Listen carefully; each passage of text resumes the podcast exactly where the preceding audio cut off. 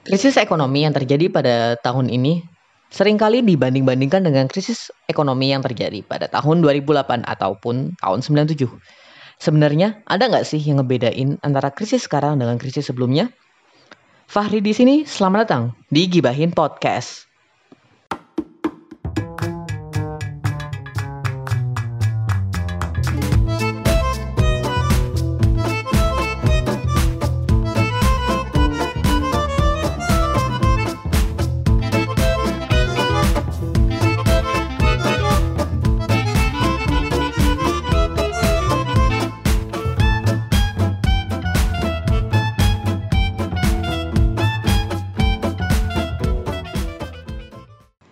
Oke, kali ini gue bakal bahas perbedaan ketiga krisis ini.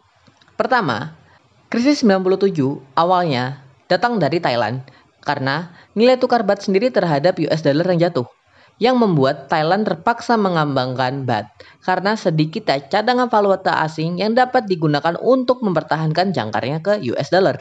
Ditambah lagi, Thailand sendiri menanggung beban utang luar negeri yang besar sampai-sampai negara ini dapat dikatakan bangkrut sebelum nilai bat sendiri jatuh.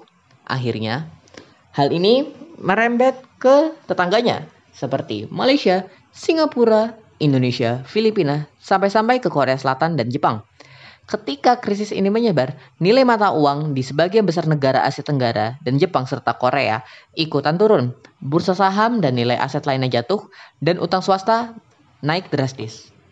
Di Indonesia sendiri, krisis dimulai ketika nilai tukar rupiah terhadap US dollar yang sebelumnya menggunakan sistem kurs mengambang terkendali atau managed floating exchange rate diubah menjadi kurs mengambang bebas atau free floating rate yang membuat nilai tukar rupiah terjun makin dalam akibat krisis yang sudah terjadi sebelumnya di negara tetangga. Walaupun IMF datang dengan berbagai macam paket bantuan, akibat banyaknya perusahaan yang memiliki utang dengan menggunakan mata uang US dollar membuat beban utang semakin bengkak. Akhirnya terjadi kepanikan di masyarakat untuk menukarkan rupiah dengan US dollar yang membuat rupiah pun semakin suram. Ditambah lagi dengan ketidakpercayaan masyarakat terhadap Presiden Soeharto membuat situasi politik di Indonesia semakin suram. Yang membuat pada 21 Mei 98 Soeharto pun mundur dari jabatannya setelah 32 tahun berkuasa. Akibat situasi sebelumnya yang sudah tidak terkendali membuat krisis semakin memuncak. Mungkin itu sedikit cerita krisis yang terjadi pada tahun 97. Nah, di krisis 2008 sendiri itu mulanya dari Amerika, di mana pada saat itu masyarakat sana itu nggak bisa bayar utang. Kok bisa gitu? Jadi pas waktu itu masyarakat Amerika itu dikenal sebagai masyarakat konsumtif, di mana mereka punya pengeluaran dua kali lipat lebih besar dibandingkan pendapatannya sendiri. Kemudian di sana pun itu properti lagi hype tuh. Akhirnya banyak orang yang berbondong-bondong ngajuin kredit buat beli rumah.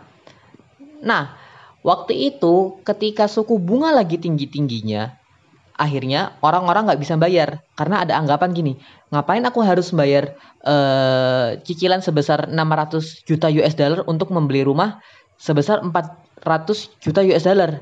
Nah gara-gara seperti inilah akhirnya uh, banyak likuiditas perbankan itu yang menjadi tergonjang-ganjing karena debitur nggak mau bayar utangnya. Karena ini Akhirnya banyak perbankan yang bangkrut. Salah satu yang terkenal namanya Lehman Brothers. Bank ini sudah berdiri selama 170 tahun berdiri dan dia bangkrut gara-gara kredit yang disalurinnya itu kebanyakan ke KPR. Nah, pas orang nggak bisa bayar, otomatis bank nggak punya duit, akhirnya kolaps. Kalau kita ngeliat krisis yang terjadi di Indonesia sendiri pada tahun 2008, sebenarnya nggak begitu terdampak. Kenapa gitu? Karena uh, ekspor Indonesia sendiri itu tidak begitu tinggi. Akhirnya Indonesia sendiri masih dapat menahan gejolak krisis dibandingkan negara tetangganya yang ekonominya anjlok karena ketergantungan mereka dengan ekspor ekspor tuh cukup tinggi. Tapi uh, tak bisa dipungkiri, bursa saham pun tetap kena imbasnya. Indeks harga saham gabungan turun 60,73 persen dari level tertingginya pada Januari, yaitu ditutup pada angka 2830,26 menjadi 1111,39 pada titik terendahnya di bulan Oktober. Ekonomi pun di tahun 2009 sendiri masih mencatatkan pertumbuhan sebesar 4,63 persen. Jika dibandingkan dengan 2008, tentu ini lebih rendah karena pertumbuhan ekonomi sendiri pada tahun 2008 tumbuh sebesar 6,01 persen.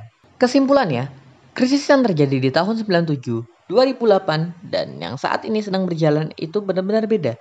Kalau kayak 97 sama 2008 itu pure karena ekonomi dan ditambah 97 ada faktor politik. Yang tahun ini itu beda karena tahun ini itu terjadi gara-gara adanya wabah COVID-19 yang menyebar dengan cepat. Dampaknya pun ke mana-mana termasuk di sektor ekonomi sendiri. Kalau ngeliat perbankan gimana nih kabarnya di krisis kali ini? Karena adanya krisis sebelum-sebelumnya, akhirnya aturan pengajuan kredit pun diperbankan semakin diperketat. Yang membuat akhirnya nggak sembarangan orang itu tuh bisa ngajuin kredit. Akhirnya pun ketika krisis terjadi, perbankan pun masih bisa bertahan walaupun likuiditasnya pun agak goyang karena banyak kredit yang harus direstrukturisasi. Finally, agar krisis kali ini bisa diatasin, kuncinya satu, COVID-19 harus dapat diatasi oleh seluruh negara seluruh pihak tanpa terkecuali. Kalau COVID sendiri tidak bisa diatasin, aktivitas pun masih terhambat karena orang nggak mau keluar rumah karena takut kena COVID. Harapannya sih, semoga vaksin COVID-19 bisa segera ditemukan sehingga aktivitas pun dapat berjalan kembali seperti semula. Jangan lupa untuk selalu pakai masker setiap keluar rumah, rajin-rajin cuci tangan, dan jaga jarak biar si COVID nggak deket-deket sama kita. Terima kasih buat kalian yang sudah dengerin gua Fahri cabut. Stay healthy, stay safe. Sampai jumpa di Gibahin Podcast episode berikutnya.